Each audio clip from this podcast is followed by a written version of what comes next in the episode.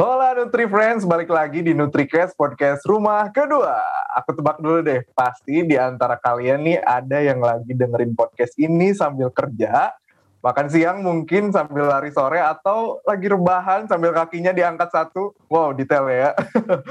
yang bikin skincare atau juga yang udah mau siap-siap mau tidur nih. Eits, jangan tidur dulu karena kita mau ngomongin soal tidur. Nah loh, barang aku Fahmi dari NutriFood yang akan nemenin NutriFriends untuk ngobrolin tentang building quality sleep. Apaan tuh? Rahasia, nggak deng.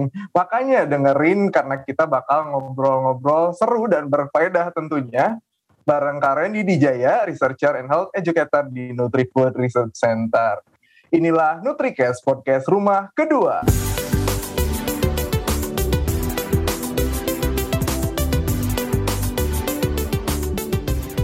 Hai Kak Randy.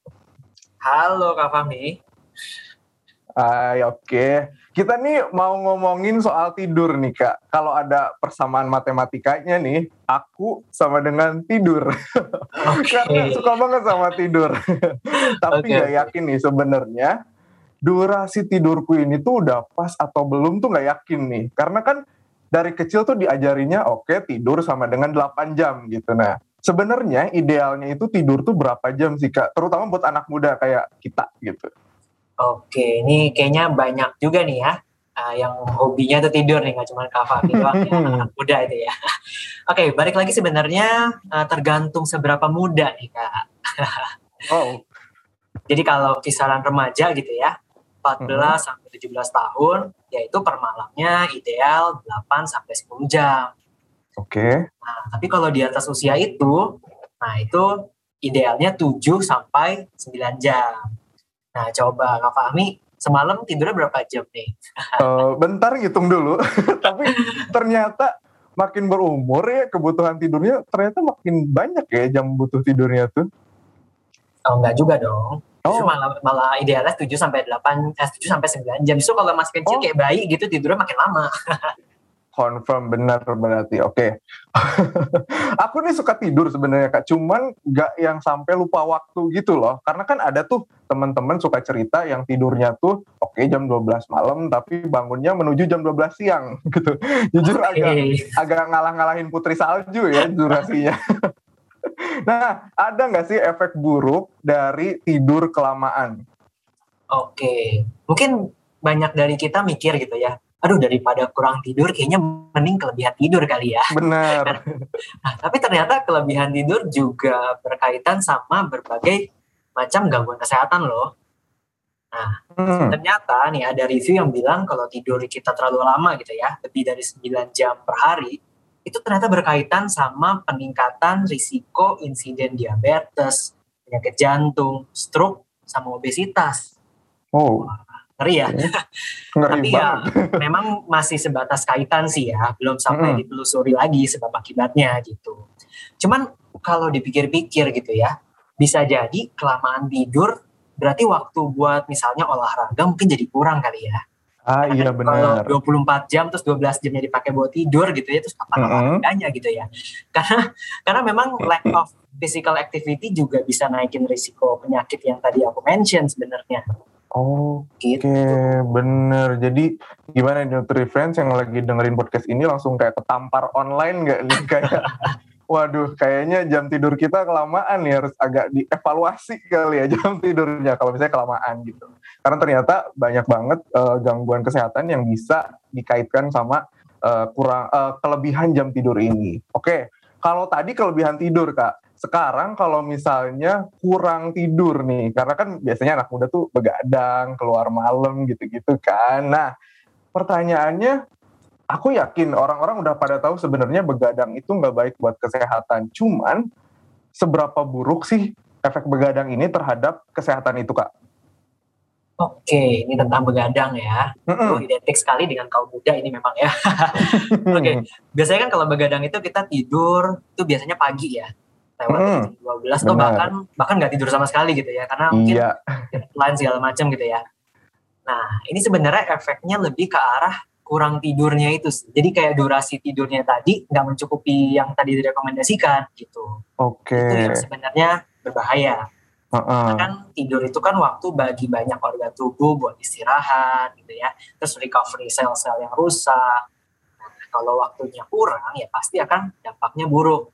Nih, aku coba kumpulin ya. Bahayanya itu apa okay. sih? Yuk, beberkan Kak. Beberkan ya. yang pertama itu yang pasti bisa menaikkan risiko kenaikan berat badan. Wow. Okay. Lalu tuh ternyata kurang tidur kok bisa efek ya ke berat badan ya. Nah, jadi, jadi ceritanya begini gitu. nih.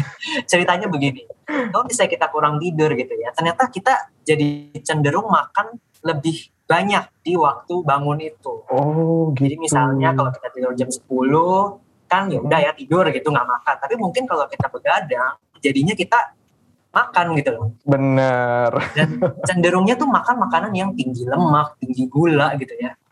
Apalagi kan, yang gampang-gampang nah, itu kan. Nah betul, kayaknya jarang ya kalau misalnya begadang tuh temennya salad kan agak nggak mungkin. jarang ya. Apalagi, apalagi masak opor nggak mungkin. Nah, betul. Pasti ya itu gitu kan. Nah kurang tidur itu selain bikin makan lebih banyak, ternyata secara hormon gitu ya, hormon yang ngatur makan, nafsu makan itu juga terganggu. Hmm. Gitu. Jadi besokannya tuh jadi lebih pengen makan banyak justru. Oke, terus kak Nah, apalagi nih selain berat nih, badan? Biasanya ini masih kayak katanya sama berat badan nih. Biasanya kalau kurang tidur itu kita kecenderungannya besokannya kan suka lemes ya. Mm -hmm, nah, bener. jadi kita lebih males buat olahraga. Padahal olahraga itu kan bisa mencegah gemuk ya. Asli, jadi mager kan jadinya. Nah, itu, itu tadi yang buat naikin berat badan itu aja faktornya banyak ya. Nah, kemudian nih bahayanya yang kedua, ternyata bisa meningkatkan berbagai resiko penyakit metabolik. Contohnya kayak diabetes, penyakit jantung gitu ya.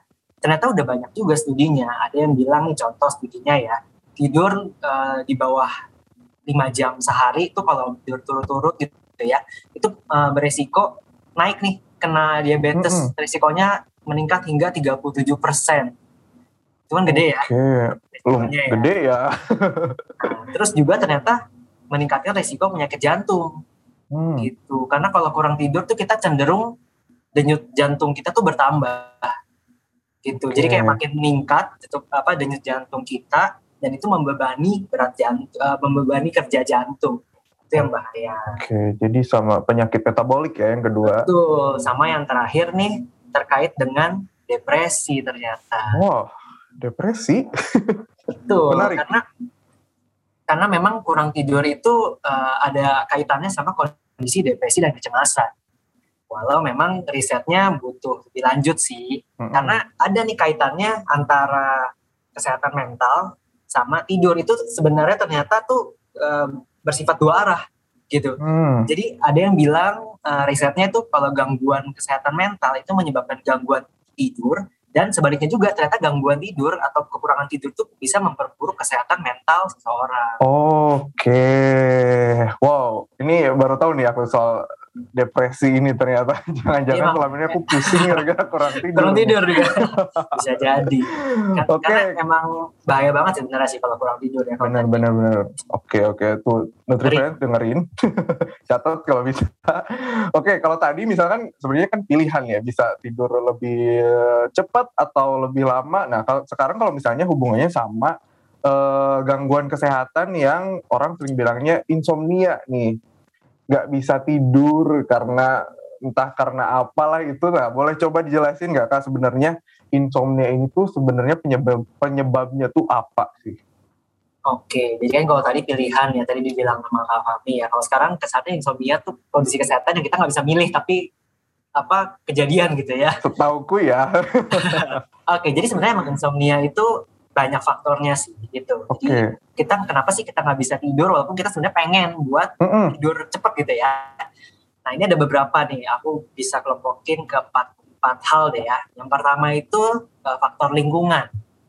Jadi bisa mm -hmm. jadi kita tidur di tempat yang kurang mendukung kita untuk tidur dengan nyaman. Contohnya suhu kamar itu kurang nyaman atau okay. ada cahaya gitu ya kurang nyaman atau tempat tidurnya mungkin kurang nyaman juga gitu misalnya hmm. atau bisa jadi ada suara-suara yang ganggu kita buat tidur dengan nyaman itu uh, faktor lingkungan itu bisa ngaruh okay. uh.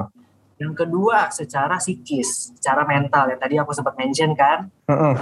apa kesehatan mental juga bisa mengganggu tidur gitu ya. Kayak misalnya stres atau anxiety yang berlebihan itu bisa bikin kita eh, nggak uh, bisa tidur gitu. Itu. Jadi kayak kadang kadang kita suka, suka khawatir, aduh mikir-mikir tentang hari esok lah masa depan, terus oh. jadi kita jadi nggak bisa tidur nih ya.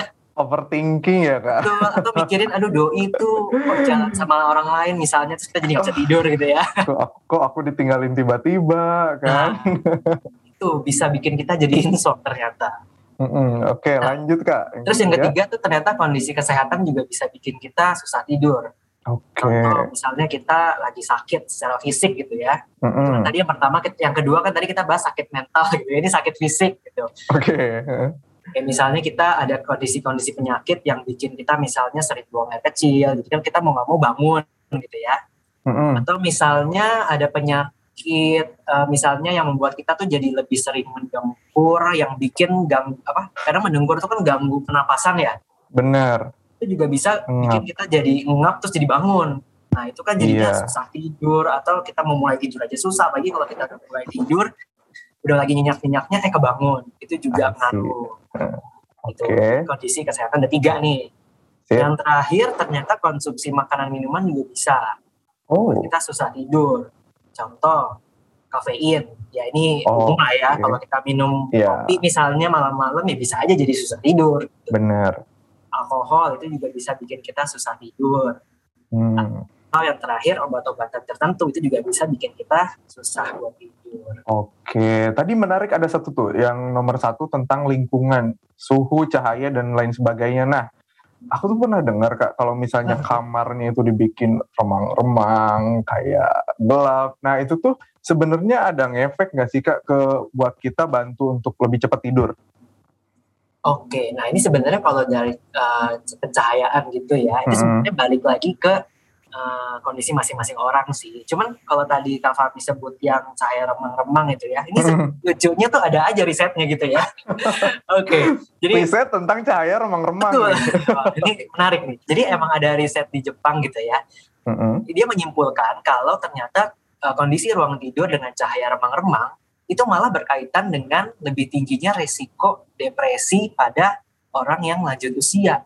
Wow. Jadi risetnya tuh okay. risetnya tuh dibandingin ya, yang tidurnya remang-remang sama tidurnya di kondisi gelap total dan ternyata okay. yang uh, di subjek lansia ini malah lebih tinggi uh, risiko depresinya di oh. yang tidur di cahaya yang remang-remang. Maka balik lagi itu uh, just baru satu penelitian ya. Benar. Bukan berarti tidur di gelap total itu uh, baik buat semua orang gitu. Mm -hmm. Karena ini uh, menariknya nih memang orang-orang yang riset tuh suka out of the box gitu ya buat uh, risetnya. Ada loh yang meneliti tentang uh, kondisi gelap sama uh, rasa nyaman tidur gitu. Oh iya. Jadi ternyata ada juga loh orang yang sulit tidur justru karena di kondisi yang gelap. Oke. Okay. Gitu. Tapi memang uh, belum belum belum dieksplor lebih lanjut sih apakah mungkin ya mereka di kondisi gelap tuh ada trauma yang bikin takut Mm-hmm. atau misalnya jadi nggak nyaman kalau kalau gelap gitu ya jadi gampang Bener. kaget kalau bisa dengar suara apa eh kaget gitu Panik gitu, kan. gitu ya nah, iya gitu jadi balik lagi sebenarnya uh, balik lagi ke kondisi masing-masing kita bisa cari nih masing-masing dari kita mm. bisa nyamannya di suasana yang seperti apa karena kan ada karena orang yang karena ini lebih nyaman tidur remang-remang gelap terang lampu disco atau gimana lampu disco Sebenarnya kalau aku sih agak-agak pelor sebenarnya ya. Mau kondisi hmm. apa pun cahaya okay. gimana pun tetap bisa tidur. Cuman kalau prefer preferensi gitu ya, hmm. lebih lebih enak yang gelap, lebih bisa cepat tidur. Bener. Sama kita kita sepakat yang ini. Karena lebih kayak tim gelap ya. Oke, okay, tim gelap. Soalnya kalau terang tuh kayak mata tuh kecolok aja gitu. kecolok. Ini berarti buat uh, Nutri Friends juga jadinya bisa explore nih. Lebih hmm. cocok bisa cepat tidur tuh di kondisi yang seperti apa. Oke, ternyata lampu ngaruh ya. nah, tadi soal tidur malam, Kak. Sekarang kan ada namanya tidur siang nih, atau orang sering ngomongnya power nap. Oke. Berapa lama sih waktu yang paling ideal atau yang paling pas buat power nap? Karena kan takutnya nih ada orang yang judulnya power nap tapi agak tiga jam. Itu kan oh, jadi kayak ya. tidur lelap ya. Berapa lama, Kak?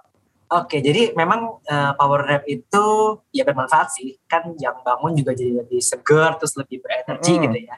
Ya cuman balik lagi uh, harus disesuaikan juga sama kondisi dan kebiasaan. bukan berarti kita bilang oh power nap ini bisa lebih semangat terus yang biasanya nggak nggak suka nggak bisa tidur siang terus dipaksa-paksain tidur siang jangan juga Iya, aku pernah Sama- tidur siang, gimana, gimana? ternyata bangun bukan seger tapi linglung kak. Nah, itu bisa jadi karena memang kalau tidurnya terlalu lama ya, power nap-nya terlalu lama, itu malah bikin kita jadi kurang fokus. Nah itu bisa Bener. jadi tuh linglung. Oke, benar-benar Karena benar. memang waktu-waktu yang ini dari riset-riset juga gitu observasi gitu ya. Ternyata memang power nap yang ideal itu ya sebenarnya cukup 20 menit aja 20 menit aja ya. gitu. Jadi bukan dua jam gitu ya. Cuman ya ini kan eh, balik lagi gitu ya. Kalau Heeh. ada kan beberapa orang juga yang tidur siangnya dua jam malah jadinya wah seger banget ya itu balik lagi ke em, apa namanya Kondisi tubuh masing-masing kondisi ya, tubuh benar. masing-masing. jangan Oh, sampai kayak tadi kak kami apa eh, power nap itu dua tiga jam malah jadinya eh, nggak fokus linglung tapi masih diulangin lagi gitu ya Iya, nah itu. Cuman eh, sarannya sih sebenarnya kalau Hmm. mau yang terbiasa power nap gitu ya eh, hindari terlalu sore karena Oke. takutnya ganggu waktu tidur malam-malam. Jadinya malamnya susah tidur. Itu dia permasalahannya. Oke, sekarang kita masuk ke sesi trivial mitos atau fakta. Yeay. Wah, Ya, ini kayak- aja ada gitunya kan. kayak itu ya, kayak uh, variety show gitu ya. Jawab. Bener. Diada-adain aja di episode lain tuh ada. Oke. Mitos Oke. atau fakta Kak Randy, kalau jam tidur kita kurang bisa diakumulasi, diakumulasikan atau dirapel. Misal nih ketika di weekday kita kurang tidur, oke kita pol-polin tidur di weekend. Mitos atau fakta? Mitos. Hmm. Terus kaget mungkin, gitu. Terus, loh, jadi selama ini salah dong. Kirain bisa dirapel nih. iya, memang ternyata tidur tidur balas dendam tuh eh, sebenarnya nggak efektif buat mencegah efek negatif yang dihasilkan karena kurang tidur ketika kita di hari kerja misalnya. Oke. Memang sih secara asupan makan mungkin akan lebih sedikit karena kan kita jadinya banyak tidur gitu ya. Bener, hibernasi ya. Cuman efek efeknya itu ternyata nggak bisa ngebalikin efek negatif yang udah terjadi karena kita uh, kurang tidur di hari-hari lainnya. Ya, Prinsipnya nggak kayak bayar hutang ya Betul, nggak di bayar bisa. tuntas di weekend nggak bisa. Oke, lanjut. Mitos atau fakta kak? Olahraga bisa membantu tidur bisa lebih nyenyak. Fakta, Oke. Kenapa tuh? Kalau ini memang uh, rutin berolahraga itu bisa membantu memperbaiki kualitas tidur gitu ya. Karena kalau kita olahraga kan badannya kan suhunya naik ya, suhunya Mhm. naik. Nanti pas udah uh, cool down itu jadinya akan lebih memicu rasa ngantuk. Jadi mempermudah Oke. kita buat tidur. Relax gitu ya badan lebih relax. Benar. olahraga juga bermanfaat untuk mengoptimalkan proses recovery tubuh kita. Gitu. Oke, sip. Lanjut, mitos atau fakta? Mimpi indah, oh mimpi apa tuh? Atau mimpi buruk adalah pertanda kualitas tidur. Mitos.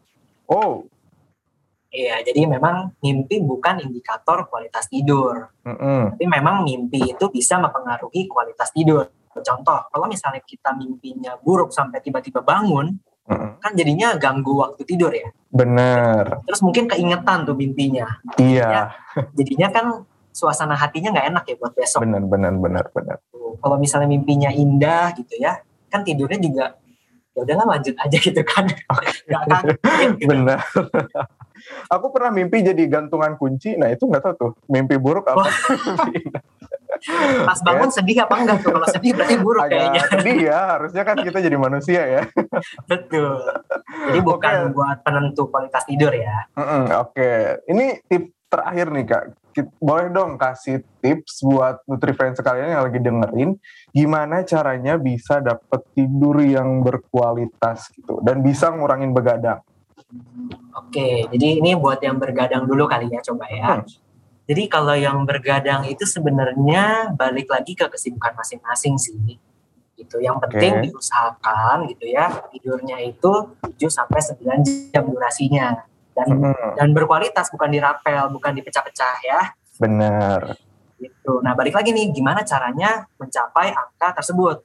Jadi contohnya kita bikin schedule harian. Oh, Mm, aku pokoknya bangun jam sekian, tidur jam sekian, kerja pokoknya batas maksimal sampai jam sekian gitu. Diusahakan. Diusahakan. Caranya gimana ngusahainnya? Nah kita itu bisa dia. meng- mengatur prioritas gitu ya. Balik lagi ke time management nih. Karena Oke. kerjaan-kerjaan yang ya udahlah ini kayaknya masih bisa dipending besok nggak harus kita kelarin hari ini atau mana yang Iya. benar-benar urgent ya moga-moga sih semuanya jangan yang urgent ya Jangan ya. gitu jadi ya kalau buat yang begadang sih itu sih tipsnya Oke, kalau buat nih tidur berkualitas. Mm-mm. Oke, ini mungkin juga buat orang-orang yang insom gitu ya. Ini Mm-mm. bisa dicoba diterapkan nih. Buat eh, suasana ruang tidur kita itu senyaman mungkin. Oke. Saya suhunya jangan terlalu dingin atau terlalu panas. Suara nih kita biasanya tuh tipenya yang bisa tidur tuh kalau senyap atau yang ada kayak eh, lagu-lagu relax gitu ya. White noise gitu ya. Ah, white noise gitu. Terus cahaya juga tadi kan udah sempat dibahas gitu ya. Heeh, heeh. juga disesuaikan. Terus Oke. eh, batasi atau eh, limit atau eh, tinggal sama sekali misalnya tidur siang atau power nap. Oke. Buat yang benar-benar mungkin susah ya coba deh jangan power nap atau jangan tidur siang. Siapa tahu malamnya jadi capek, bablas aja tidur gitu Oke. ya. Mm-mm. Terus batasi konsumsi eh, kafein sama alkohol gitu. Itu Oke. bisa membantu. Terus nah ini nih hindari snacking malam. Wah. karena kalau nih. kita makan kalau kita makan kan apa kayak oh asupan makanan badan tuh berasa oh ini masih ada makanan oke saluran pencernaan kita masih harus bekerja ini Oke. jadi kayak belum siap untuk jadi kayak ya nggak siap-siap kapan istirahatnya gitu Bener, badan kita masih ada job desk-nya nih. betul gitu Oke. next ini ini tips yang bisa dicoba juga itu membatasi uh, screen time minimal 30 Oke. menit lah sebelum kita siap tidur gitu jadi handphone handphone coba dipinggirin dulu laptop gadget gitu ya biar Bener. mata juga bisa istirahat gitu ya nggak tegang ngeliatin layar Bener. Yang salah biasanya sebelum tidur pada scroll TikTok dulu. Wah, Nah. agak sejam tuh kayak biasanya. nah itu yang kadang bikin kayak duh kok susah ya tidurnya ya Hmm, Bener banget. gitu mungkin bisa diganti gitu dengan kegiatan-kegiatan yang lebih eh, nggak screen time gitu misalnya contohnya baca buku buku fisik Baca, ya ya, jangan bener. buku Kindle atau buku dari laptop gitu ya Bener, bener, bener. atau dengar lagu- dengerin lagu santai gitu ya Oke. Sip. atau kalau mau yang lebih dalam lagi mungkin meditasi gitu ya, Meditasi sebelum ya.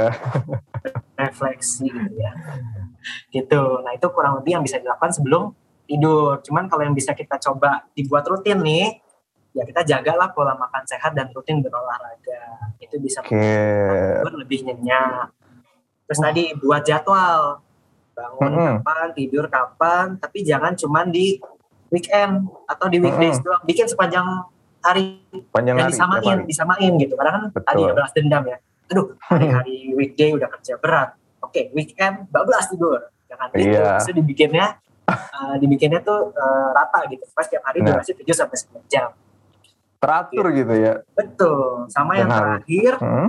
ini yang kadang eh, suka lupa tapi ternyata matters loh gunakan tempat tidur hanya untuk tidur Wah, bener lagi. karena kita pakai buat kerja di tempat tidur Makan di tempat tidur ya. Wah, bener lagi badannya itu. tuh Apalagi. badannya, iya, badannya tuh kayak ya ini mah tempat gue tadi kerja gitu kan Iya, bener, bener, bener. Pisahin ranjang kasur ini adalah tempat yang sakral ya. Jangan di. sakral tidur gitu Oke, menarik ya. Ternyata topik tentang tidur ini tuh bisa ke mana-mana. Soal resiko gangguan kesehatan, tentang jadwal tidur, segala macem. Menarik, Kak. Nah, boleh kali ya kasih closing statement nih. eh, soal tidur ini dari Kak Randy. Kayak gimana sih?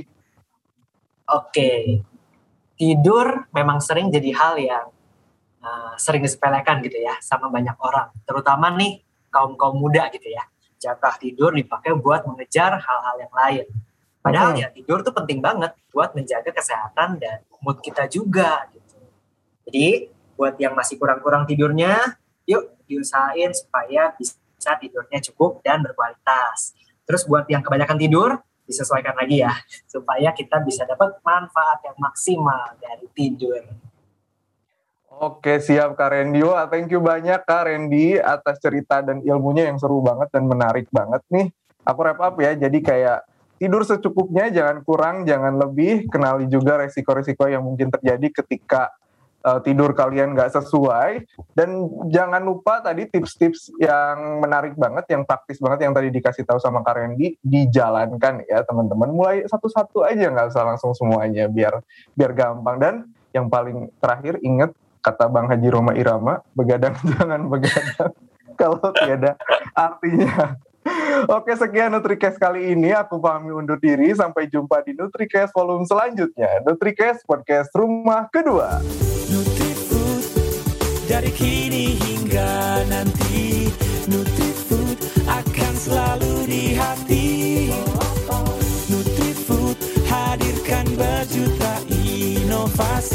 inspirasi hidup ber